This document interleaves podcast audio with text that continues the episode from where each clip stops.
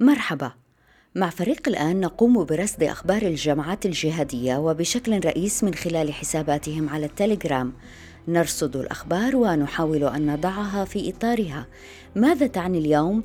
كيف ترتبط؟ بما كان أمس؟ وكيف ستؤثر في أحداث الغد؟ أنا نهاد الجريري أهلا بكم. مرصد الجهادية بودكاست على راديو الآن. أهلا بكم إلى حلقة هذا الأسبوع من مرصد الجهادية. نغطي فيها الفترة من 4 إلى 10 يوليو 2021 إلى العناوين. طالبان يتقربون من روسيا ويتعهدون للصين بطرد التركستان الإيغور. وعن الهوية الجهادية لطالبان نتحدث اليوم إلى الدكتور محمد صفر أستاذ مقارنة الأديان والباحث في الحركات الإسلامية صاحب كتاب طالبان الأفغانية والمحاكم الصومالية دراسة مقارنة. وفي المرصد أيضا بعد حل جنود الشام الشيشان الهيئة تطلب من مستقلين آخرين تسليم السلاح. وبإمكانكم الرجوع إلى نص هذه الحلقة في أخبار الآن دوت نت. مرصد الجهادية. يجتمع جهاديو القاعدة وهيئة تحرير الشام على الاحتفاء بطالبان وكأن ما يحدث في أفغانستان نصر للظواهر والجولاني سلوك طالبان يضع الجهاديين أمام تناقض أو على الأقل أسئلة مطالبون بالإجابة عليها أمام أنفسهم. لنبدأ بما فعلته أو قالته طالبان في الأيام الأخيرة. اولا زار وفد من طالبان موسكو ليعطي الروس تطمينات أمنية ومن هناك أعلن طالبان أنهم سيطروا على أكثر من 80% من أفغانستان. ثانيا أجرت الصحفية إيمي تشيو مقابلة مهمة مع الناطق باسم طالبان سهيل شاهين لصالح موقع The South China Morning Post. أهم ما جاء في هذه المقابلة عن العلاقة مع الصين قال شاهين ذهبنا إلى الصين عدة مرات ولدينا علاقات جيدة معهم. الصين بلد صديق ونرحب بهم في إعادة الإعمار وتطوير أفغانستان. عن موقف الجماعة من الحزب الإسلامي التركستاني الإيغور قال شاهين إن الطالبان ملتزمة بألا تسمح ببقاء أي جماعة أو فرد في أفغانستان إن رغب في شن هجمات ضد أي دولة أخرى ومنها الصين وبمن في هذه الجماعات التركستان. عن القاعدة أكد شاهين أنه لن يكون لهم مكان في أفغانستان وقال سمحنا للقاعدة بالبقاء في أفغانستان لأنه لم يكن لديهم مكان آخر في أي بلد سوف لن نسمح بوجود أي تجنيد أو تدريب أو تمويل لأي مجموعة في أفغانستان وإذا وجدنا أحدا يختبئ فسوف نطلب منهم المغادرة. الآن كيف سيكون موقف الجهاديين من موقف طالبان هذا تجاه الصين وروسيا؟ وهم أي الجهاديين من فكوا يغضبون على الصين لأنها تنكل بالإيغور المسلمين وعلى الروس لأنهم ينكلون بالسوريين. هنا يبرز تناقض الجهاديين من أنصار القاعدة تحديدا الذين صاروا يباركون سلوك طالبان على أسس البراغماتية والمصلحة العامة وخدعة الحرب وتحييد الأعداء. يقولون إن نصر طالبان سيضفي للقاعدة نصرا ومزايا عظيمة. عودة أفغانستان كملاذ ووطن آمن للجهاديين بكل بقاع الأرض. هذا التحول أو التدرج في التبرير يظهر عند المقدسي.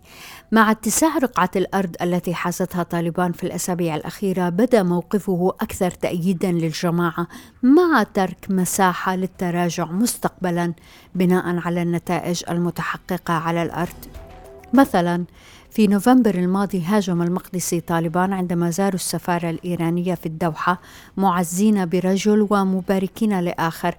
قال المقدسي وقتها طالبان اتقوا الله وكفوا عن الهذيان. لن تغني عنكم هذه المداهنات والمجاملات من الله شيئا.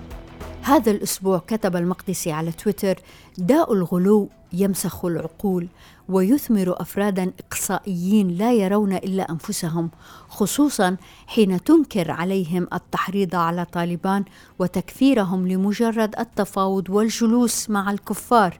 طالبان ليسوا بحاجة لتطبيلنا فمهما قلنا فيهم وناصحنا لأخطائهم هم يفرضون أنفسهم على الواقع ولا تزعج انتصاراتهم إلا من في عقله أو دينه دخن. يرد عليه أحدهم ويقول انتصاراتهم ليست لله بل لدنيا يصيبونها ويرد آخر كن منصفا فطالبان هي من بدأت بالتحريض لقتال الدولة. أي داعش في إشارة لأكثر من تصريح من طالبان يتعهدون فيه بقتال داعش. ولنذكر هنا أن من خلاف المقدسي وأتباعه مع حماس في غزة أن حماس قتلوا أبا النور المقدسي الذي أعلن الإمارة في غزة عام 2009 قبل سنوات من إعلان داعش الخلافة. مرصد الجهادية بودكاست على راديو الآن. خلال هذا الأسبوع ترددت أنباء غير دقيقة عن أن اجتماعا جرى بين مسلم الشيشاني وهيئة تحرير الشام وتم بموجبه الاتفاق على حل جنود الشام. والخلاصة هي أنه لا يزال غير واضح ما الذي حدث بعد أن طلبت الهيئة من الشيشاني حل الجماعة. مزمجر الشام العارف بشؤون الجهاديين في سوريا يقول إن الجماعة حلت بالفعل. حساب مزمجر الثورة ومنذ الأيام الأولى للأزمة نشر صوتية لإداري في الجماعة يقول إنهم حلوها أو على الأقل أن جزءا انفصل وتركوا الشيشاني وشأنه. فرطنا الكتيبة خالص ما ما تمينا مع هلأ. فكل أخ هلا هو لحاله يعني تمام يا أخوي ما عدنا ما عدنا مع حد تركنا مسلم وتركنا الكل هلا أين الشيشان اليوم؟ هل ذهب إلى درع الفرات حيث الجيش الحر الموالي لتركيا العلمانية أم يستعد للسفر إلى أفغانستان والالتحاق بطالبان؟ غير معلوم. في الأثناء تستمر الهيئة في تحييد المستقلين الصحفي المتخصص عروة عجوب نقل عن مصادر أن الهيئة حذرت جماعتي أنصار الإسلام وجند الله بأن ينضموا إليها أو يتركوا إدلب. ونقل حساب رد عدوان البغاء أن الهيئة أبلغت أبا مسلم الكازاخستاني أمير مجموعة قناصين مستقلة بأن يسلم سلاح مجموعته وأن ينضموا إلى الهيئة أو يجلسوا في بيوتهم. كذلك نقلوا أن الهيئة اعتقلت أبا أسامة الشوكاني وهو داعية موالي لحراس الدين كان يدير مركز دعاة التوحيد الدعوي التابع للحراس. مرصد الجهادية. وجدت محكمة بريطانية أن هشام تشودري مذنب بجرم تمويل داعش في نوفمبر 2019 ألقي القبض على تشودري بعد أن جمع آلاف الجنيهات الاسترلينية وحولها إلى بيتكوين وأرسلها إلى داعش لتحرير عناصر التنظيم المعتقلين في سوريا. المحكمة ستصدر حكمها على تشودري في سبتمبر المقبل. مع نهاية الأسبوع ظهر على الإنترنت بيان نسب إلى قاعدة اليمن فيه أن القاعدة تقاتل الحوثيين في محافظة البيضاء وأنهم تعرضوا للخيانة من بعض من أحسن المجاهدون الظن فيهم. الخبيرة في شؤون اليمن الدكتورة إليزابيث كاندل من جامعة أكسفورد قالت إن البيان مزور على أساس أنه توقف العمل بترقيم بيانات قاعدة اليمن بعد العام 2017 الترويسة في منشورات الملاحم رمادية منذ سبتمبر الماضي ولم ينشر البيان في قناة رسمية مثل الملاحم. لاحقا معرف ناشر الملاحم نشر أن البيان مزور القاعدة وداعش تركوا البيضاء بعد هزيمة النكرة أمام الحوثيين في أغسطس الماضي. نشر تلفزيون الصومال مقابلة مع المعلم سعيد عبد الله ديلب مسؤول الإعلام سابقا في جماعة شباب. في المقابلة التي بثت في برنامج جونغار المتخصص تحدث سعيد عن أسلوب التجنيد لدى الشباب يأخذون الأطفال من البدو الرحل بحجة تعليمهم القراءة والكتابة فيعلموهم حمل السلاح. وكان سعيد في فترة من الفترات ترك الشباب لصالح داعش ثم عاد إلى الشباب. قال عن الفرق بين الجماعتين هو أن الشباب تعطيك أكثر كي تبقى معهم. وفي النهاية وصف سعيد الشباب بأنهم مثل رجل ميت يتكئ على عكازه فيبدو حيا. مرصد الجهادية. بالعودة إلى موضوع طالبان عالم الجهادية وأفغانستان وربما المنطقة ستتغير بعد سبتمبر المقبل مع إتمام انسحاب القوات الأجنبية من ذلك البلد ومع استكمال زحف طالبان ربما باتجاه العاصمة كابول. مرة أخرى في هذا البرنامج نرحب بالدكتور محمد صفر أستاذ مقارنة الأديان. والباحث في الحركات الإسلامية صدر له العام الماضي كتاب طالبان الأفغانية والمحاكم الصومالية دراسة مقارنة صادر عن مركز طروس لدراسات الشرق الأوسط في الكويت. شكرا جزيلا دكتور صفر لوجودك معنا مرة أخرى في البرنامج. حياكم الله وحيا الله مشاهديكم الآن مع زحف طالبان مثل البلدوزر حقيقة باتجاه كابول ومع ابتهاج الجهاديين باستثناء داعش بهذا الإنجاز بين قوسين. هل لا تزال طالبان تحمل الهوية الجهادية؟ آه، في الحقيقة مسألة الهوية الجهادية نحن نحتاج أن نفصل في هذه المسألة قليلا. طالبان آه، السيناريو طبعا يتكرر. طالبان من قبل أيضا آه، كانت حركتها سريعة للانقضاض والسيطرة. ليست هذه المرة الأولى. لكن الغريب أن تتكرر هذا يتكرر هذا السيناريو برغم آه، أن طالبان في حينها لم تكن معروفة يعني في الفترة الأولى. وكان الناس يتوقعوا من طالبان الكثير. لكن الآن بعد مرور كل هذه السنوات وفشل طالبان في التجربة السابقة في إنشاء دولة آه، لا أقول الدولة الخلافة ولا الدولة الراشدة وإنما على الأقل الدولة التي يطمح إليها الناس الشعب الأفغاني. طالبان فشلت في تحقيق طموحات هذا الشعب. فالغريب أن يتكرر سيناريو هذا الاكتساح السريع برغم فشل طالبان في التجربة السابقة. وهذه مسألة تحتاج إلى الوقوف عندها. لكن قبل أن أستطرد في هذا الاتجاه دعيني أعود إلى سؤالك فيما يخص الهوية الجهادية. طالبان تبحث عن المشروعية. مشروعية لأعمالها طبعا ومشروعية لهجماتها ومشروعية لمشروعها للسيطرة على السلطة.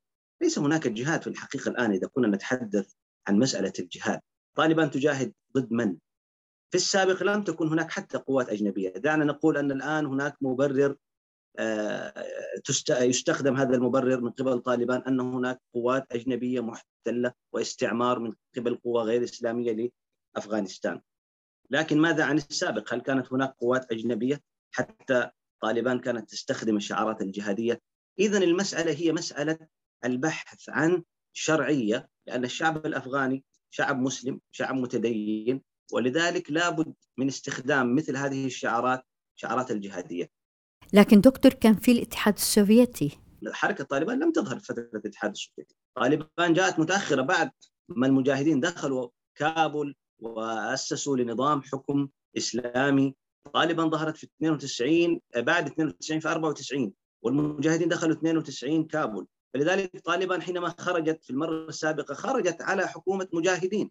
يعني آه، آه، لكن المبرر كان أيضا رفع شعار الجهاد آه، لاحقا طبعا بعدما اكتسحت طالبان جزء من مناطق الجنوب.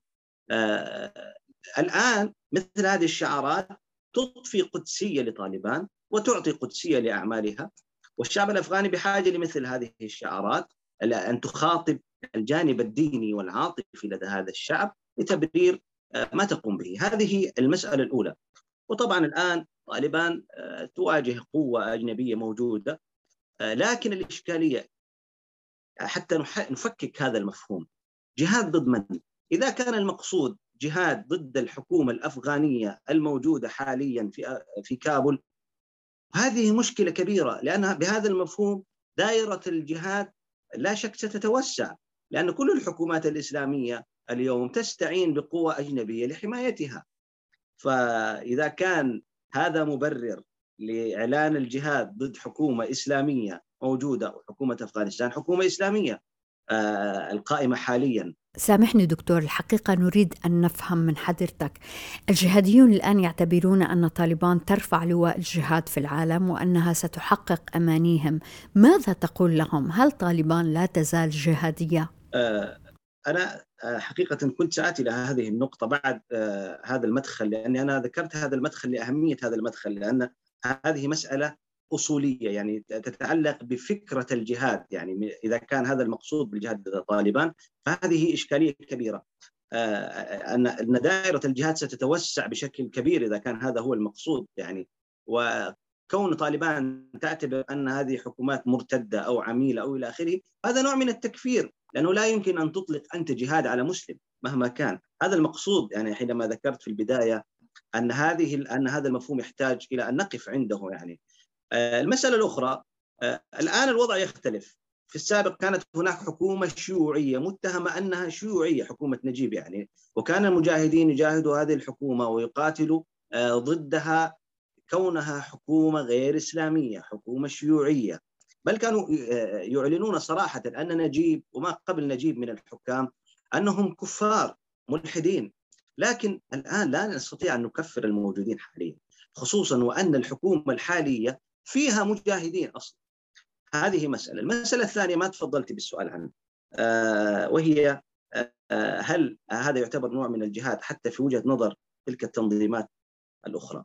آه طبعا المسألة مرتبطة ببعضها، المفهوم الذي أنا شرحت في البداية مرتبط أيضا بهذا بهذه المسألة، لكن هل مشروع طالبان مشروع عالمي؟ طالبان دفعت الثمن في المرة السابقة وكانت القشة التي تقسم ظهر البعير هي صلتها وارتباطها بتنظيم القاعدة. فهل ستكرر طالبان هذا الخطأ؟ لا أعتقد. طالبان الآن تدرك أن أي صلة لها بمثل هذه التنظيمات سواء الجهادية أو غير الجهادية ستدفع ثمن غالي، ولذلك لا يمكن طالبان أن تعلن مرة أخرى أي نوع من الجهاد ضد أي قوى خارجية، ولذلك نجد مثل هذا الخطاب الآن المتزن نوعا ما الذي يطرح من قبل طالبان وفيه نوع من التطمينات للقوى الإقليمية المجاورة لأفغانستان بما فيها الصين الدولة الشيوعية مثلا وروسيا يعني دعنا من باكستان وإيران على اعتبار أنهما دول إسلامية. لكن على الأقل هناك خطاب تطمينات حتى للهند. وحتى للصين وحتى لروسيا أن طالبان لن تمس مصالح هذه الدول. اذا هناك نوع من التعامل الآن. دعنا نقول السياسي بعيد حتى عن مفهوم الجهاد ومفهوم الدولة الإسلامية والأمارة برغم أن طالبان لم تتنازل إلى الآن لم تعلن أنها ستتنازل عن مشروع الأمارة. يعني مشروع أمارة الإسلامية مشروع قائم. لكن يبدو أن هذا الشعار سيبقى شعار. أما في أرض الواقع هناك تغيير جوهري في أسلوب وفكر طالبان نحو آه هذه الأمارة. واضح من هذا الخطاب آه الذي آه يعني طالبان الآن تروج له. آه وإن كان وإن كان في الحقيقة مثل هذا الخطاب كان موجود في المرة السابقة أيضا.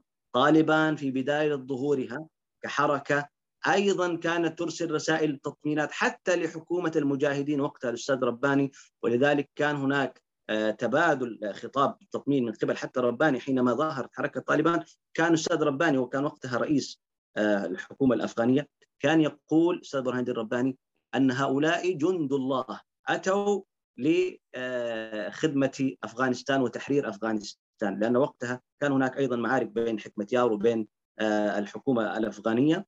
وأتى طالبان وبدأوا باكتساح مناطق حكمة يار فلذلك كان هناك أيضا تبادل للخطابات الودية من قبل حكومة المجاهدين في حينها. يعني أقصد أن مثل هذا الأسلوب ليس بالجديد على طالبان لكن الجديد خطاب التطمين للدول الإقليمية. دكتور سفر الجهاديون يقولون أن التطمينات جاءت من باب خدعة الحرب من باب السياسة. حتى ما ندخل بجدليات فقهية حقيقة ماذا يضمن عدم تكرار السيناريو الذي تحدثت عنه؟ كيف يختلف الماضي عما يحدث الآن؟ ماذا يضمن ألا تنقلب طالبان اليوم؟ ليس هناك من ضمانات طبعا قضية أن طالبان تنقلب أو لا تنقلب خاضعة لموازين القوى ليست المسألة مسألة يعني أن هناك التزام أدبي أو أخلاقي أو إلى آخره أو تعهدات.